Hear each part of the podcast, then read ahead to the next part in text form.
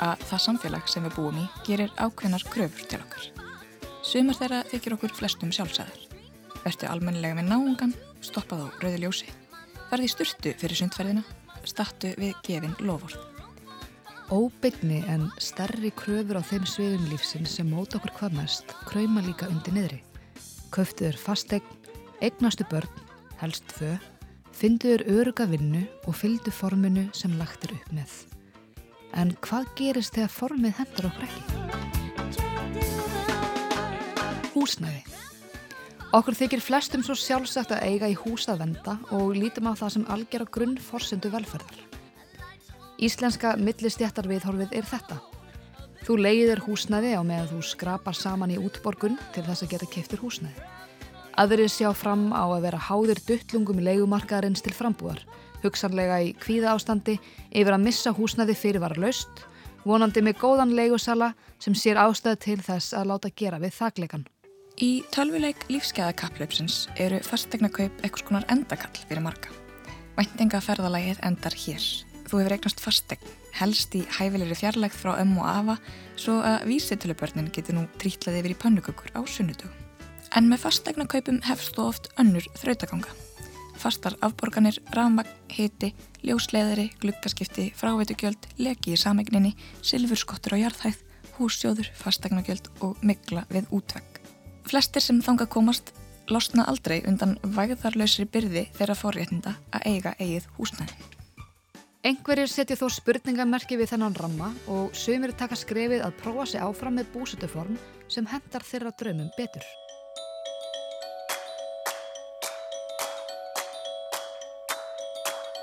Take me outside, sit in the green garden. Nobody out there, but it's okay now. Bathe in the sunlight, don't mind if rain falls. Erlendis þykir við að sjálfsagt að brjótast út úr hefðbundna húsnæðisforminu og kjósa að búa til dæmis í bíl, hjólhísi eða annars konar smáhísi. Slík búsutuform hafa sína vankanta. Í þeim gætir eftir vill ekki sömu þæginda og þegar búið er í steinsteipuhúsi en hefur aðra kosti umfram heiðhæðbundna form. Á Íslandi hafa nokkur prófað sig áfram með þetta búsötuform. Við rættum við Holly Spice og Svein Snorra Sigvatsson en þau hafa búið í hjólísi í Reykjavík í heilt ár.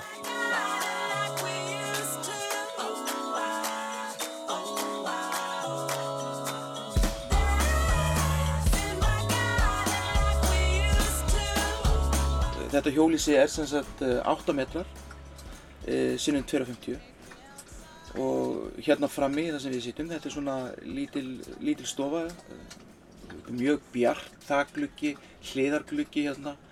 Og svo er gluggi beint út og þetta er allt opnanlegt. E, svo er, er hérna lítið eldús, e, síðan eru við með rúm sem við reyndar breytum og stækkuðum rúmið aðeins, þannig að nú er það 2,50 á, á breyttina en 90 á lengdina þannig að við stækkum þetta svona. svo erum við með hund sem heitir Missy eh, sem er sjö mána hérna, svört labrador tík og það myndaði svona smá hólrum þarna undir og þetta er sem sagt bælið hennar.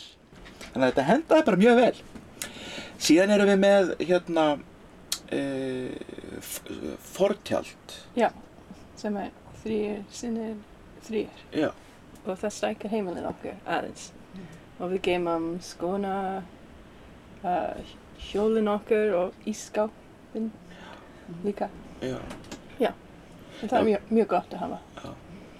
Svo erum við með klósett og við gerum bara nummer eitt þar. Aðstæðan hérna býður upp á það sagt, hérna rétt fyrir ofan okkur er aðstæða, klósett aðstæða Eh, þar getum við vaskað upp, við getum eldað þar líka þannig að við erum hérna á tjálstæðinu í Laugadal eh, sem er sem sagt, stæði sem í raun og veru ITR er að leia af hostalinu sem er hérna sem sér um e, svæðið og það eru 13 eða 14 íbúar hérna sem er alveg e, með fasta búsetu hérna. Það var ímislegt í lífi Holly og Svenna sem breyttist við það að minga við sig. Ég, við, við vorum með leigjanda í Tangabryggju og þú veist, þeir eru með leigjanda, við leiðum eitt herbyggj út. Og það var, það var alltaf svona það var svolítið erfitt. Svona pr- prífasíið og svona eh, og, og okkur fannst alveg okkur fannst það æðislegt frelsi bara. Þetta var, þetta var bara að komast í þetta að þetta indislega hjólísi sem við eigum hérna, þetta, li- þetta litla hús okkar hérna, það gerði svo margt það létti sála lífið svo rosalega, það var ekkert, ég get eiginlega ekki lýst því. Þetta, þetta, þetta var rosalega skrítið að, að koma í svona lítið úr uh, 112 fermetra íbúð og, og, og fara í þetta þetta, þetta.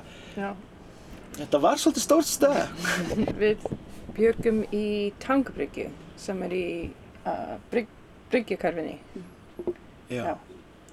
Og já, við vorum að borga mjög mikið í leigu til að búa þar. Já, guðminn góður. það var sko fyrir að borga mikið.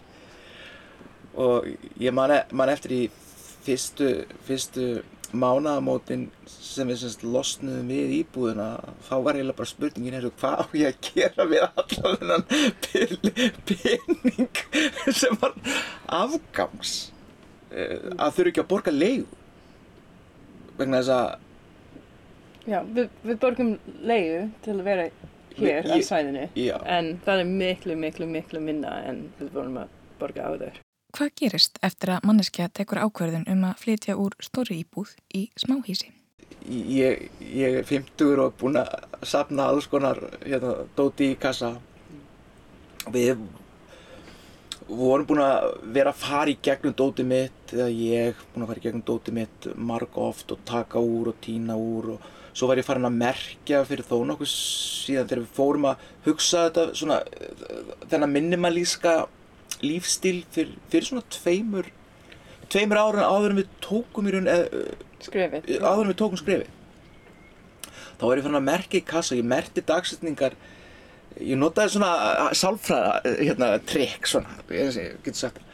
Þess að ég setti dagsetningar á kassana og hvert skipt sem ég fór í kassan að þá merkti ég það og ef ég hafði ekki farið í kassan í ár tók ég ekki kassan upp held ég tók hann bara og hent honum. Og ég, ég bara varð að gera þetta. Svo í loka hniknum þá gaf ég gríðarlega mikið. Eh, ég átt mikið af verkværum eh, alls konar útivistadóti sem við náttúrulega erum að nota mikið. Við erum mikið útivistar fólk eh, við erum mikið á fjöllum og hana og ég gaf þetta í góða hyrðirinn ég gaf fólkið í kringum með þetta Og við seldum mikið á bland Já. líka. Við fluttum ekki úr íbúðinni í raun og veru í Tangabryggju. Við seldum allt. Þe- Þetta var erfitt. Ég skal alveg ekki að mín megin. Hún náttúrulega satt stundum á gólfinu og var að hjálpa mér eitthvað og svo hlón og hlón og hlón alveg svo vitlisingur.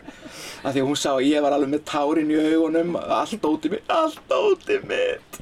En það var æðisleg sérstaklega í sumrið. Að, að si, sitja úti að drekka kaffi í, sólina og þetta er fyrsti veturinn okkar sem við erum hérna og mér fannst hann vera svona svolítið verkefni ég, var, ég, ég, ég hlakkaði svolítið til að takast á við veturinn sko. sjá hvort að tjaldið hérna frammi myndi halda til dæmis alltaf þegar kemur eitthvað svona kvellur sko, vindur eins og við erum nú á Íslandi þá er ég alltaf, já já, rifnar það núna þarf ég að hlaupa út á narjónum þú veist, þarf ég að fara að bjarga ískapnum eða skónum eða þú veist eitthvað. Þannig að maður er með svona alltaf svona smá svona, en svo stendst þetta bara allt og maður þarf ekkert að hafa neina ágjur af þessu. Er eins og með, við þurfum núna að því að það er náttúrulega ekkert vatn hérna niður, niður þannig að við erum með tvo stóra uh, vaskúta sem við bara löpum hérna upp yfir og fyllum á vatn. Svo löpum við með þetta niður þetta er ágættis líkamsrætt líka. Og svo fyllum við á, á, á hísið og við gerum þetta á fimm daga fresti svo þurfum við náttúrulega alltaf að losa klósettið hérna. Og við erum að gera það, það fyrir eftir í hvað við erum mikið heima en, en þetta er svona fimm dagar þá förum við hérna niður á niður á stöðina hérna og losum úr klósettinu og svo bara kemur það upp til aftur veist. Þetta, er, veist, þetta er svona ekstra jújú, jú, þú veist en ég meina, Ekstra vinnu. já en, en, Þa, það er ekki mikið. En það, það er, veist, þetta er bara rútína, þetta er, þetta er ekkert mál. Maður fer ekki úti mjög mikið í, í vet, vetuna. En já, við erum ennþá að fara út að labba með Missy og já, það er bara kallt úti. En það, það er ekki kallt inni. Við erum með hittakörfi í vegginum og gólfinu. Nei, og mér er að á, á nóttunni, sko, þá þurfum við að lækka hitan niður, sko. Við, við sem sagt, á, á mótnana þá hækkum við hitan í, í hísinu í 20, við höfum þetta svona í cirka 22 gráður, en svo þegar við förum að sofa þá förum við niður í 19 gráður og á sömrinn þá fórum við alveg niður í 18, 17 gráður, sko. Við ferðumst óbúslega mikið. Við förum bara með tjaldið og núna erum við búin að kaupa okkar sendibíl sem við ætlum að breytja í húsbíl. Já, og við ætlum að ferðast með það. Já. Við, við vorum, við ferðumst óbúslega mikið og við förum mikið á fjöll og jökla og, og erum í þessu útivistar eh, lífstíl í raun og veru. Við vorum að klifra fjöll alveg á fullu í, í öllu COVID sko. Við vissum alltaf hvað COVID var sko. Þannig að við vorum bara í tjaldi einhver staðar undir einhverju fjalli sko. En núna ákvaðum við að kaupa sem sagt já, þennan litla, pínulítið sendibíl. ætlum að setja rúm og, og svona smá eldunar og erum við myndið að vinna í því núna þessa dagana að koma honum í stand svo við getum farið núna norður á, á fjallaskíðin okkar og eitthvað þá bara gistum við í bílum. Og við ætlum að nota það líka sem annað herbergi. Ef við fáum gestur. Já. Já, ef sýstur mín eða fóruðra mín að koma. Holly leggur áherslu á að það sé þeirra val að búa í hjólísinu. En, en fólk ó, mjög oft vorkennir okkur. Ó já. En við viljum vera hér. Það, Fólk hugsa að já. við þurfum að vera hér, Já. en við viljum vera hér. Þetta er kós. Já, já. Þetta er val. En við Íslendingar, við, við erum svo snobbuð. Fyrir, fyrir ekki að ég skulle segja þetta, en við erum alveg óbúslega inn í kassanum, inn í einhverju boksi, samfélagi segir að þú eigir að vera svona eða einsegin. Og við bara neytum því, þú veist, við viljum þetta ekki. Þetta er bara miklu meira frelsi. Þegar ég var að þrýfa íbúðina mína, sem ég var með á leigu, og ég man eftir því þegar við vorum búin að tæma íbúðina og ég var að labba út úr íbúðinni í síðasta skiptið ég var að læsinni ég var að sem sagt, þessa stuttu vegalegt inn í liftuna. Ég táraðist.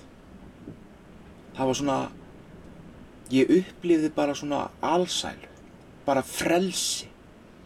Ég var laus við, við þessa leigumiðlun sem var búin að mjólka mig gjörsamlega sko. Og ég bara ég, ég, ég, ég man að ég stóð í liftunni ég var á leiðinni niður í bílakjallarann í síðast skipti og ég bara mér vöknaði um augu. Ég var svo ég, þetta var stórkurslega upplifun. Já. En að tala um framtíðið, þegar það er hægt að vinna aftur, þegar COVID er farið, ég ætla ekki að vinna svo mikið eins og áður, af því að ég, ég þarf ekki að gera það.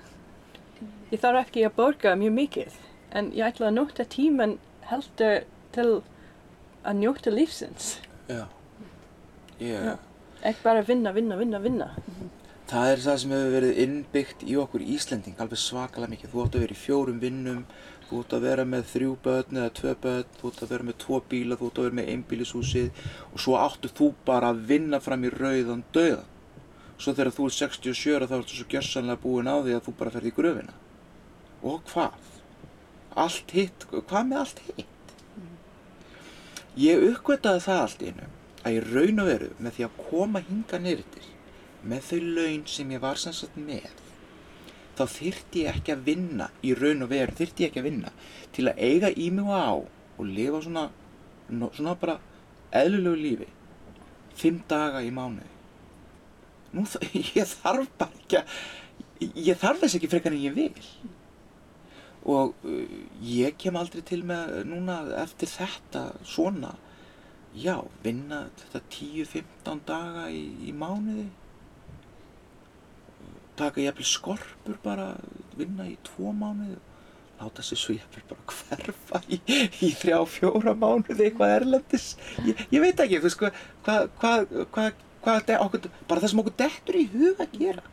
Ég er náttúrulega náttúrulega mér finnst mjög gaman að klifra og já, ég, þegar það er hægt, ég fer, já, ég fer erlendis til að klifra, mm. til dæmis til Spáns eða, já,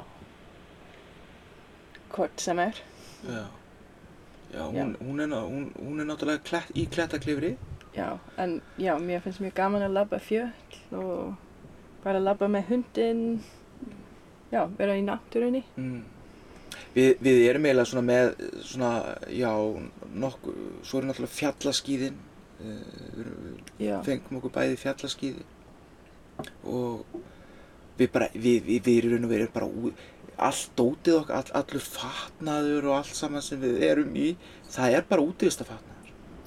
Við erum með Gore-Tex skallana hérna, sveppbókana, þú veist, það er bara, það er bara að vera í náttúrunni, vera úti, veist, við, við, við elskum það bæði og að sofa í tjaldi, þú veist, saman hvort að við veitum sem að voru það haust, skilur, það er bara, það, við sofum eins og, eins og steinar, sko, mm -hmm.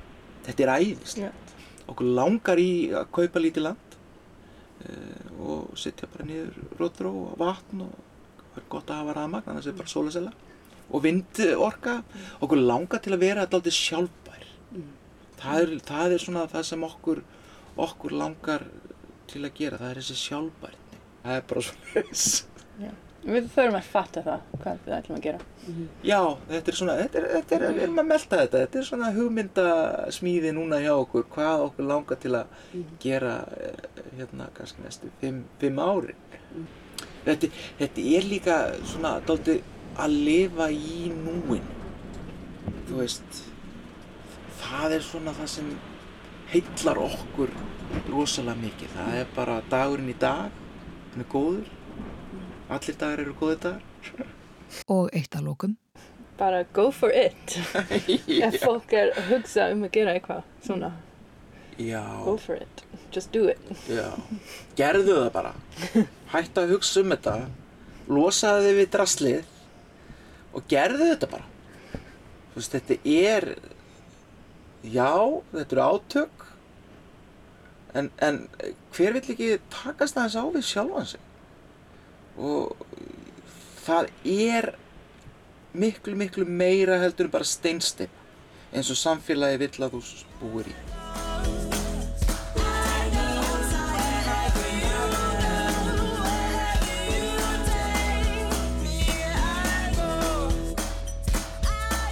Undanfarnmisseri hafa margir fengið að kynast í að taka vinnuna með sér heim. Það getur verið mörgum erfitt og rugglandi að heimilið sé jafnframt vinnustæður og skilin eiga það til að verða óskýr. Í lífi Ingi Björgar Ólafsdóttur, húsvarðar hússtjórnaskólans í Reykjavík, er þessu þó snúi við. Við rættum við Ingi Björgu um að eiga heimili inn á vinnustæð.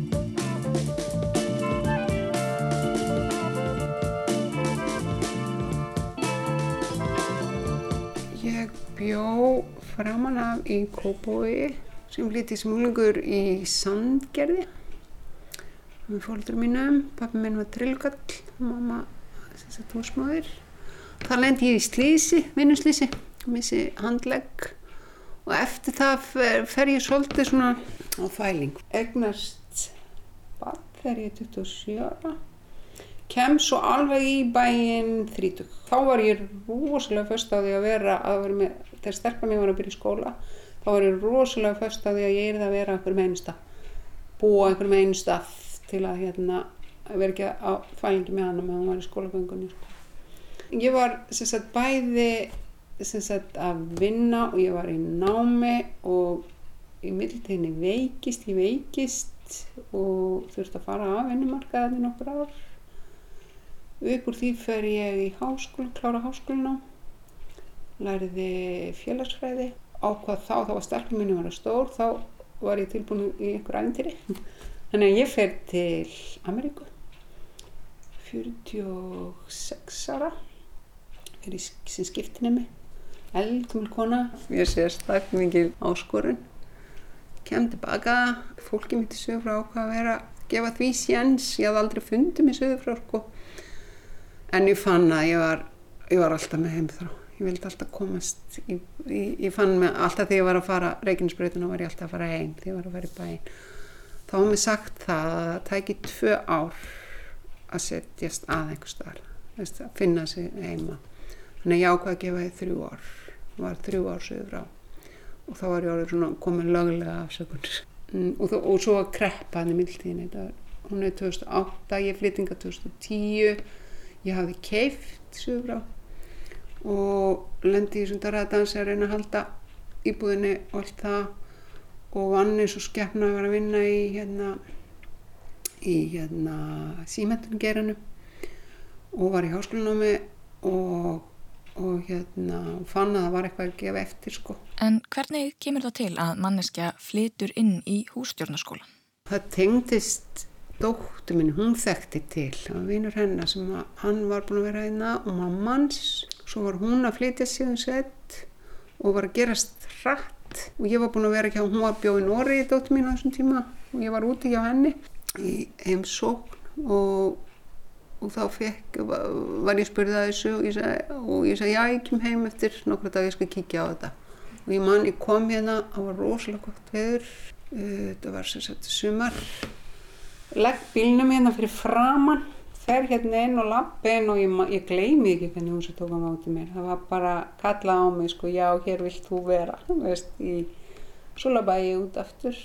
Og að bílnum mínum þá búið að keira á hann. Úti í hérna þessu þröngu göttum sko í hérna. En eftir ég flyttinga fekk ég bílastæði. En á hverju kvöldi sem sé lappa ég allt húsið tjekka á ljósum og glukkum og setja svo kjærfi og það er eiginlega það sem ég geri að það er bara ef það er eitthvað í húsinu þá er ég hér á nætunar ég vinn annars þar og ef ekki ég þá rætta ég einhverjum. Þá er það bara mín ábyrð það er svona, það er svona hérna, hvaðirnar uh, einu það hefur verið eins og þegar stelpa mín bjóð í Nóri í tvö ár þá fannst mér það svolítið mál að því að mér fannst svo mikilvægt ég var eins og hérna gera svona loftbrú ég fór held í sjösunum á þessum tíma bara til þess að hitta hana og hitta batnum sko. það var svolítið mál að ég þurfti alltaf að ég þurfti alltaf að vera redd einhverjum til að vera í húsinu með hann sko. en svona eftir núna sem árin líða þá ger ég minna að því að fá einhvern til að vera þá bara snýði ég einhvern veginn líf mitt að því að ef ég ætla að fara að fara eitthvað þá ger ég bara þegar það er enginn í húsi mm. og það er alveg sko cirka þess ekki fimm sinnum ári veist, þess að svona vetrafrí, páskafrí, jólafrí og svo hálfum mánu rann í ágúst sem við eigum.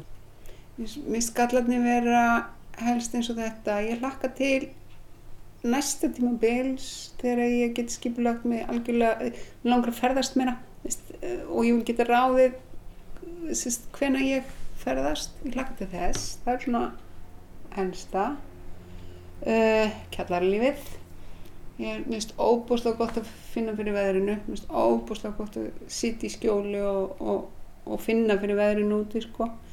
það gerist ekki hér í kjallarinu mm, veit ekki, já, klósti þetta er, sérst, ég hef ekki prívat salerni, ég á prívat styrtu ég er búin að merka hennar svo rækilega ég passa alveg svaklega vel upp á hann þetta er enginn eins og styrtunni og ég. Og hann er líka alveg þrefald sko þetta er styrtunni menn hérna. en það tók mér smá tíma að vennast í að sko hérna þetta salerni nota nefndur daginn. Ingi Björgu þykir orðið væntum húsið en það hefur hún nú búið þar í 11 ár. Sko þetta er hús á, þetta er gamalt hús, gamalt veglegt hús. Einu svona var það, það ábyggleitt að fallegustu húsunum hér. Búið að gera mörg hús upp hér götinu þannig að þau eru hvert öru fallegra sko. Við notum dagstaglega bakingangin. Og það er, það er minn ingangu niður, ég fer alltaf niður stigan. Býtu, efri, næsta hefur ofan er eldúsið, setustofa, skrifstofa skólastjórans. Þar fyrir ofan eru kennstustofur og efst uppir rist, þar eru uh, heimavistinn fyrir nefndu.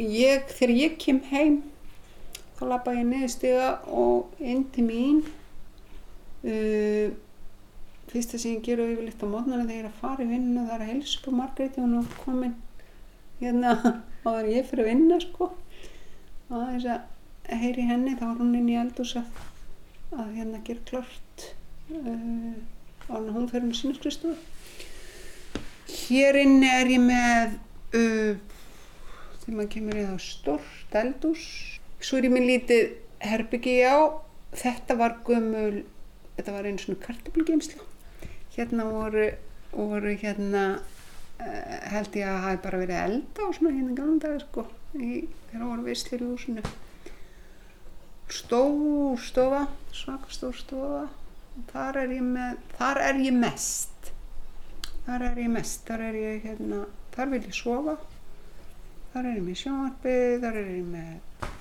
púslborðið mitt og En hvaða áhrif hefur það á hverstægin að búa á heimili sem er í senn vinnustadur, skóli og heimavist?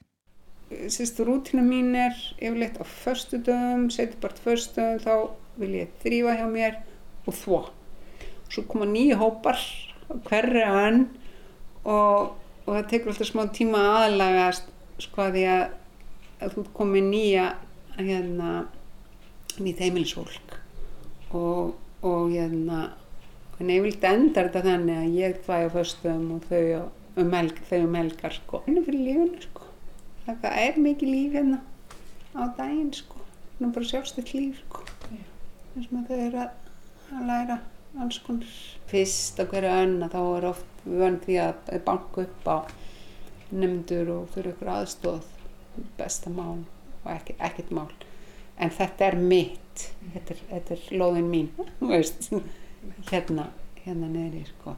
Einu sinni var ég með, var skiptinni mig hérna, þess að uh, tengist bróðum mínum, stúlka, sem er, var hérna á landinu og var í kurs með hérna nefndunum, skiptinemunum hérna upp í háskóla. Og hún fekk að vera hér hjá mér í staðin fyrir að vera upp á vist. Og það var svo skrítið að því að við það þá misti ég allt prívatið mitt. Að því að það varð svo mikið flæði. Sem sagt nefndunir sem voru skiptinemannir þeir voru svo mikið hérna niðri hjá henni. Og það fannst mér mjög óþægilegt. En þetta kannski hendar þetta myndi ekki henda ef ég væri með uh, fjölskyldu kannski, ég veist þetta er þetta er kannski spurðu hvað sem passar inn í líf mitt núna í þannig laga sko. Uh, margir halda að þetta sé starfi mitt. Sem sagt ég sé hér hann að sólaringin sko. Uh, ég er til dæmis ekkert í viðhaldi en eitt svo leis mér finnst eins og rosalega róandi að, að hérna eins og ofta fyrstum að brjóta saman þvott þá tekið kannski þvottin sem að til er í skólanum sko. Það er eitthvað, eitthvað, eitthvað sem að veist, er ekkert á mínu verksviði sko. Þannig að mynda svona lítill litli hluti sem verða vana sko í hérna. Og svo er eitthvað vani hjá mér ef það er enginn í húsi, það er með galopið það er, ég veit ekki, það er bara eitthvað ég þarf að, veist, þá finn ég meira fyrir húsinu sko. Já. aftur ef að það er nefndur í húsi þá er ég bara með reyfu yfir litt á kvöldin og stundum lokað sko. Og þegar ég kem hinga eina af fáum reglunum sem ég seti mér er að hér er fólk ekki með áfengi. Og þá fannst mér einhvern veginn það líka eiga við mig. Ég, mér finnst gott að fá mér bjórinn og milli, rauðin eða þetta en ég geri það ekki nema hérna þegar það er ekki skóli veist, eða veist í, í, í öðrum aðstæðum sko. Og það er ekkert mál. Það er einhvern veginn bara hluta rútininu minni. Það er einhvern veginn þegar að önnin er að renna að þá er ég bara hluta af þessari önn. Og svo, og svo hérna kemur vetrafrí eins og morgu ég ætla að hitta vinkunum mínu morgu, við ætlum að fá kaffi svo við ætlum að fá okkur bjór og eitthvað svo leis það er eitthvað sem ég myndi ekki gera sem að það væri ekki vetrafrí hérna myndi ég skipla ekki daginn aðri sér sko. Og þannig að það, það er kannski eitt af því sem að kannski mér ósár á tekur upp eitthvað síði sem maður myndi ekki gera nema að því að þú ert hérna, þetta er hluti af ég býrð, eins og ég segja, hluti til á, ég býja hluti til í skóla Yngibjörg ætlaði sér aldrei að dvelja eins lengi í hústjórnaskólanum og hún hefur gert. Hún er nú farin að horfa til framtíðar. Og fyrir ég mannum alltaf að segja Margrét, þú veist, já, man, já, ég ætla að vera að taka einu annu já, jú, ég ætla að sjá til hérna á næsta, en það líka spilaðist kannski svolítið af líka við vorum rosalega lengi út úr þessari kreppu sko, í hérna og ég var ekki farin eitt sko. Í hérna, en svo svo verður þetta bara einhvern veginn lífstíl en ef ég sé fyrir mig þegar ég flytt hérna þá sé ég fyrir mér í efstaði blokk með hérna í útsýni yfir fjöllinn og, og hérna og, og borgina og, eða hvað sem ég verð en ég hugsa það, ég ég læknist að því á svona einu ári. Nú er ég orðið 60 sko og ég sé fyrir mér sko ég er komin inn í eitthvað skeið þar sem ég er búin að skila að mér eh, mikið að, að það maður komin svona í svolítið sjálfsdegur með heilsan leifir að, að hérna ég sé mér svolítið fyrir mér á hreyfingu í að vera svolítið að ferðast sko. þannig að hvort sem það verður að veruleika eða ekki. Segir liggja til andra átta Á þeim verðaskýr Margrét þrautin þungra nátta Að þjást og finna til. Og býða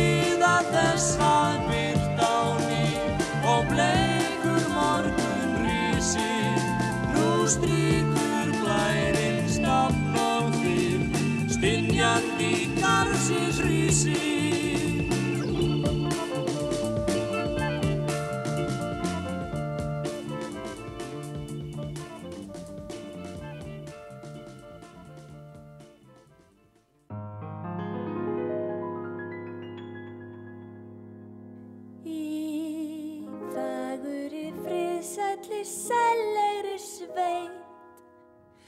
Þar er söngmanna hreppurinn Og fólkið er brosmilt og býður þér heim. Og það breyðir út faðminn sinn. Það hefur lengi þótt sjálfsagt að flytja úr sveit í borg. Í borgina kemur ungt fólk til að sækja sér mentun og leita uppi fjölbreytt atvinnutækifæri og reiknast húsnæðisverð í takt við það. Fæstum sem eru fættu og uppalinn á Malbygginu þykir sjálfsagt að fórna nálag við fjölskyldu og vini, skemmtanalífi og tengslanetti til þess að freysta gæfinar á landsbyðinni. Við rættum við Hjördísi Eithórsdóttur, myndlistakonu, sem kvatti Vesturbæ Reykjavíkur fyrir sex árum síðan og setti stað í Stikkishólmi.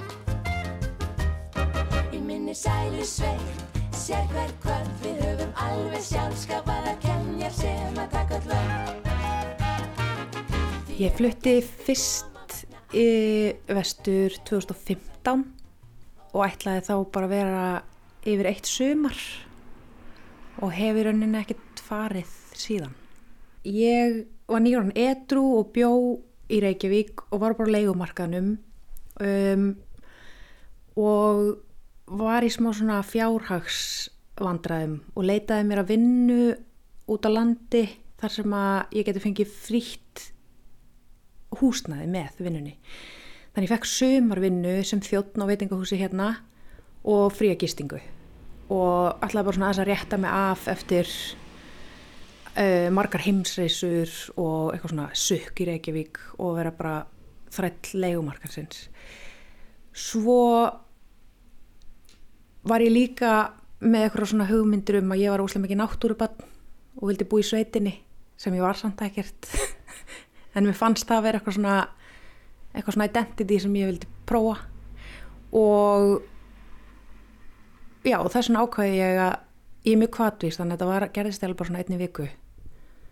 Og svo var ég bara mætt með tvær töskur á eitthvað veitingahús og flutti inn. Já, ég bý í húsi uh, það er frekar stórt hús fyrir eina konu og lítinn hund en sko útlitslega er húsið mjög ljótt á utan en inni mjög kósi og samansapna bara mjög skrítnum hlutum og allt úr nýtjegámnum ég nýst ekki svolítið, ég þarf að fara með eitthvað nýtjegámin og ég er alltaf með ótrúlega mikið gestum þannig að maður myndi segja að heimilið hér væri svolítið svona félagsheimili. Um, ég er í rauninni aldrei ein þó ég sé búi ein hérna. Um, já og það er alltaf opin hurðin. Þannig að allir velkomnir. Uh, já þetta er svona bara safe haven eða svona greiðar staður Hver er helst munurinn á lífinu í miðbæ Reykjavíkur og Stikisólmi? Sko, ég fór í sko skóla fyrir þremur árum. Og þá bjóð ég í Reykjavík í smá stund og þá byrjaði dagurum bara á 50 mínuna umferð. Og svo fór ég í skólan til 5, 4 og svo umferð heim. Ég, mér minnir eins og Reykjavík hafa bara verið þannig.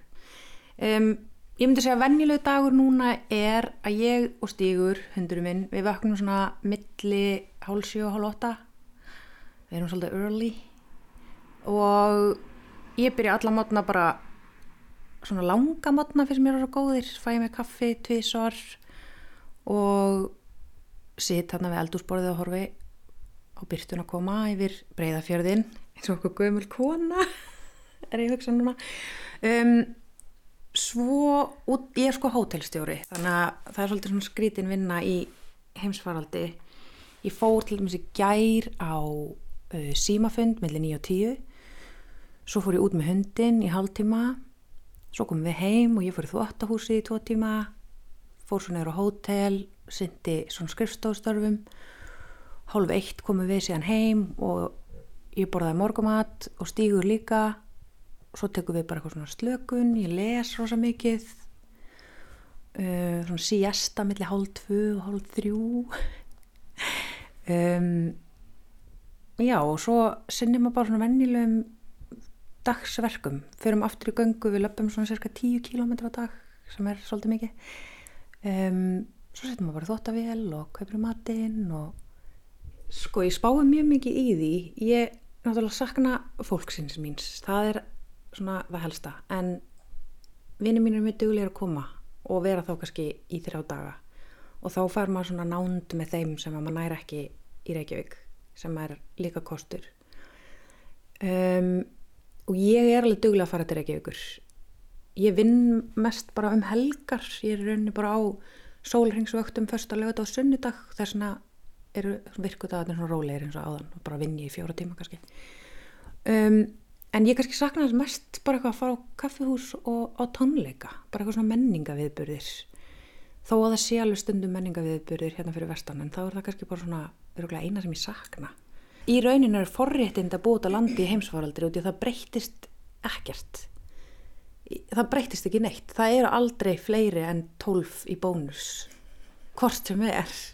Mér finnst verðumætt að vera með þetta fjárhastlega frelsi. Að ég er svona eigði minni pening hér og leigan er miklu lægri þegar ég fór svo á leigumarkaðin hér.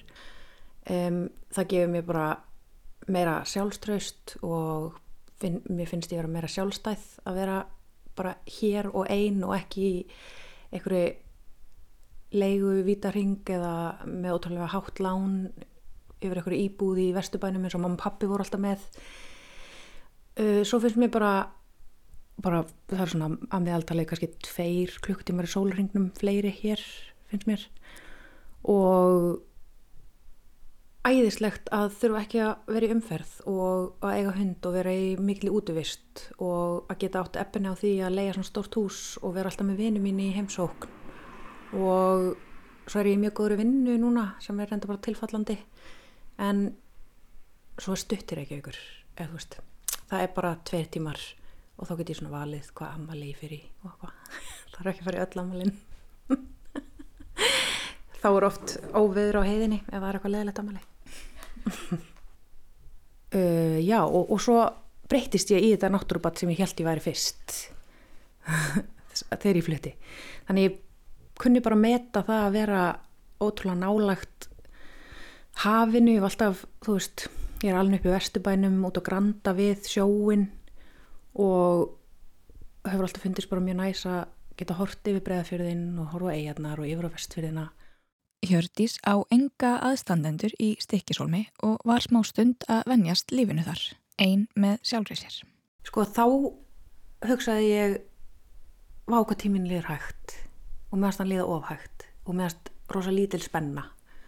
Og ég er svona smá spennufíkil þannig að mér varst mjög erfitt að geta ekki gert eitthvað svona sem má ekki gera og það. Er ekkit hægt að gera hér sem má ekki gera.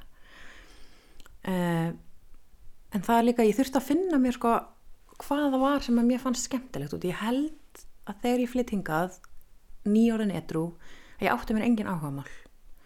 Mér fannst í rauninni ekkit gaman það var ekkert sem ég gerði bara fyrir sjálfa mig.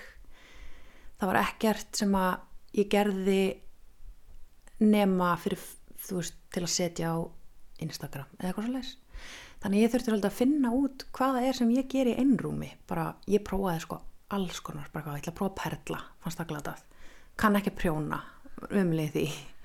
Uh, reynda að byrja að gera jóka svona út á palli, ógeðslega leðilegt. En engin jókakona byrjaði að drekka te, minnst te og ógeðslegt. Og þá kefti ég mig myndavelni mína í fyrsta sinn. Og ég nota bara ljósmyndir í verkonum mínum. Þannig að það er, þú veist það fæðist ímislegt þegar mann leiðist sko. mér leiðist ósla, fyrsta sumarið maður það ósla leðilegt, það var ekki bara eitthvað svona sveita pilsins draumur að flytja. Uh, fyrsti veturinn var svolítið skrítin en ég var á leiðinni sérst, til sér langa þannig að eftir fyrsta haustið og fyrsta veturinn þannig að það var svona smá bjartu punktur í endan uh, en ég vann rosa mikið og var rosa mikið einn um, en það kendi mér bara mjög mikið.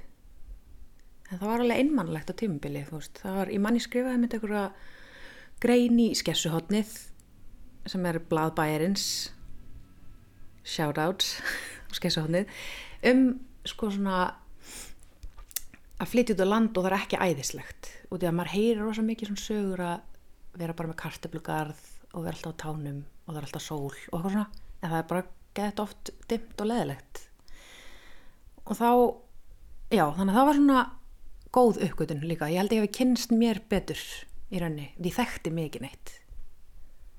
Um, ég man á tímbili var ég eina grammetisrætan í bænum. Það var mjög gert mikið grín.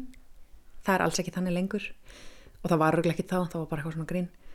Mamma og pappi voru vön að ég gerði eitthvað svona hvaðvist um, fyrst var þetta náttúrulega smá spennandi og þetta átti bara að vera eitt sumar. En ég held, mér finnst þess að fólk hafa bara tekið mjög vel í þetta. Nema stikkisólmur kannski ekki svona tískubæri eins og segðisfjörður þannig að það var dráð svo cool að flytja stikkisólm smá svona veist, þetta er ekki svalasti bærin en ég, ég dyrkaði hann að bæ. Og ég held að allir hafa bara tekið mjög vel í þetta. Ég man ekki eftir að neitt hafa sagt neitt. Stikkishólmur er næst bara næsti seðisfjörður og það er bara sprett upp alls konar skemmleitina það er alveg mikið ungu fólki og ég er að kynast fleirum núna. Og það er rosa mikið ungu fólki sem á fjölskyldu um, og lifir bara ósla falleg og lifir bara ung hjón sem er kannski 2-3 börn og búa hér og lifa hér.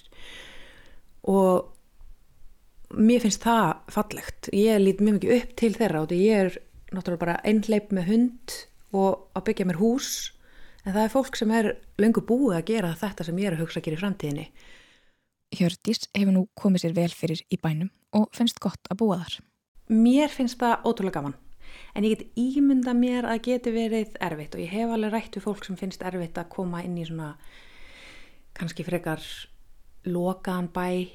Mér finnst hólmarar aðeinsleir mjög sérstakar týpur en það er fara sögur á því að það sé svolítið erfitt að komast inn í samfélagið. Mér hefur ekkert fundist það. En ætla að sé, já það tekið mér smá tíma að svona kynnast fólki, hægt og rólega kynnist maður fleirum. Ég er í A samtökunum hér þannig að fyrstu vini mínir hér voru bara AA vini mínir og hægt og rólega, já, ég er í bókaklúb það er auðvitað að komast inn í hann og svona, þannig að en þú þarf svolítið að vera búin að ákveða svona hvaða er sem þú vilt út úr því að búa hér, ef þú vilt félagslíf þá fleitur bara til Berlínar, skilur það kemur enginn í hólminn til eignast viltan nýjum vinum Hjördís er að skjóta rótum á svæðinu og hefur fest kaup á landi og litlu húsi í Helgafellsveit. Hún vinnur nú að því að gera það íbúðarhæft. Sem er mjög fyndið út af því ég er mjög rótlaus. Einhvern veginn, ég held að ég sé í uppreist við sjálfa mig með því að- vera að byggja hús og festa mig eitthvað staðar. Það er ekkert að, ekkert að gera neitt af þessu. Uh, ég var að taka aukavakt hjá Söru vinkonum minni, hún upp barinn inn í bænum. Og svo er ég bara að fara að stóla upp og þá kom einhverju tveir strákar inn sem ég kannast smá við. Þannig að þær fengur sér eitt bjór og ég er eitthvað að moppa og klára að ganga frá og þá heyri ég eitthvað svona út undan mér að annar þeir eru að tala um eitthvað hús sem eitthvað frændi þeirra á eða afi eða eitthvað, ég var ekki, man ekki nákvæmlega. Og ég segi bara eitthvað svona djóki, eitthvað svona já hvað er þetta hús? Og hann segir það er í Helgafellsveit og ég eitthvað já ok, ég var ekkit, vissi ekkit einu svona hvar Helgafellsveit var almennilega. Og ég eitthvað ég ætla að kaupa það segi ég einhverju gríni út af því fyrir mér kosta hús 50 miljónir og ég á ekki þannig penning og svo var hann eitthvað, já það, hérna, það er til sölu og landið með og viltu skoða það á morgun? Ég eitthvað, já, hvað hvað kostar þetta hús? Og hann nefnir tölu sem ég get ekki nefnt í útvarpi út í hún svo lág. Og ég feg bara daginn eftir og hitt hann og skoði þetta hús og það er 7000 fermetra land og 25 fermetra kofi, steiftu grunnur fyrir öðru húsi hliðin á. Og ég held að við höfum bara skrifað undir eitthvað samning vikuna eftir á og, og hérna, kefti á honum landið og húsið fylgdi með. Þannig að þetta var smá bara eitthvað svona grín sem er svo mjög alvarlegt núna. Þarna til vinstri er Ljósifjöll, svo sjáum við næst okkur hérna drápilíðina, svo er Grímsfjall hér, Kerlingaskarði þarna og Gráakúla, Rauðakúla og svo Bjarnarhafnarfjall.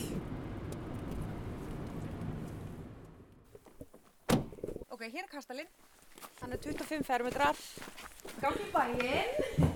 Og hvað gerist svo í Helgafellsveitinni? Sko, ég er ekkert vissum að ég muni alltaf búa hér. Mér langar að flytja inn í mæ á þessu ári. Ég veit ekki hvort það sé raunsætt. En svo vil ég bara þetta sé eitthvað svona atkvarf fyrir mig og mitt fólk. Hvort sem að ég búi hérna allan ásins ringa eða ekki. Þannig að mér þykir svona frelsandi að eiga bara eitthvað sem ég á skuldlaust og alein. En það þýðir samt ekkit að ég ætla að deyja hér, þið veitir. Ég vil bara að ég geti gemt dótið mitt eitthvað þar sem að engin leigusamningur rennur út og ég er rekin út. Ja, þetta er í rauninu bara það einfalt, held ég. Og mér finnst örygginu fylgja frelsi.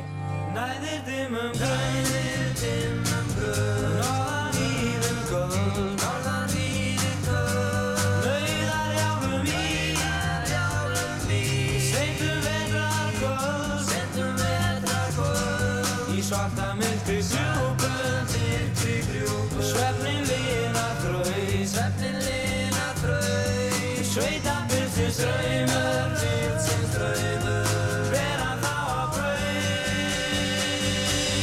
Líður hann um geims Í fjallar sólarlönd Þar hann fann mann íra með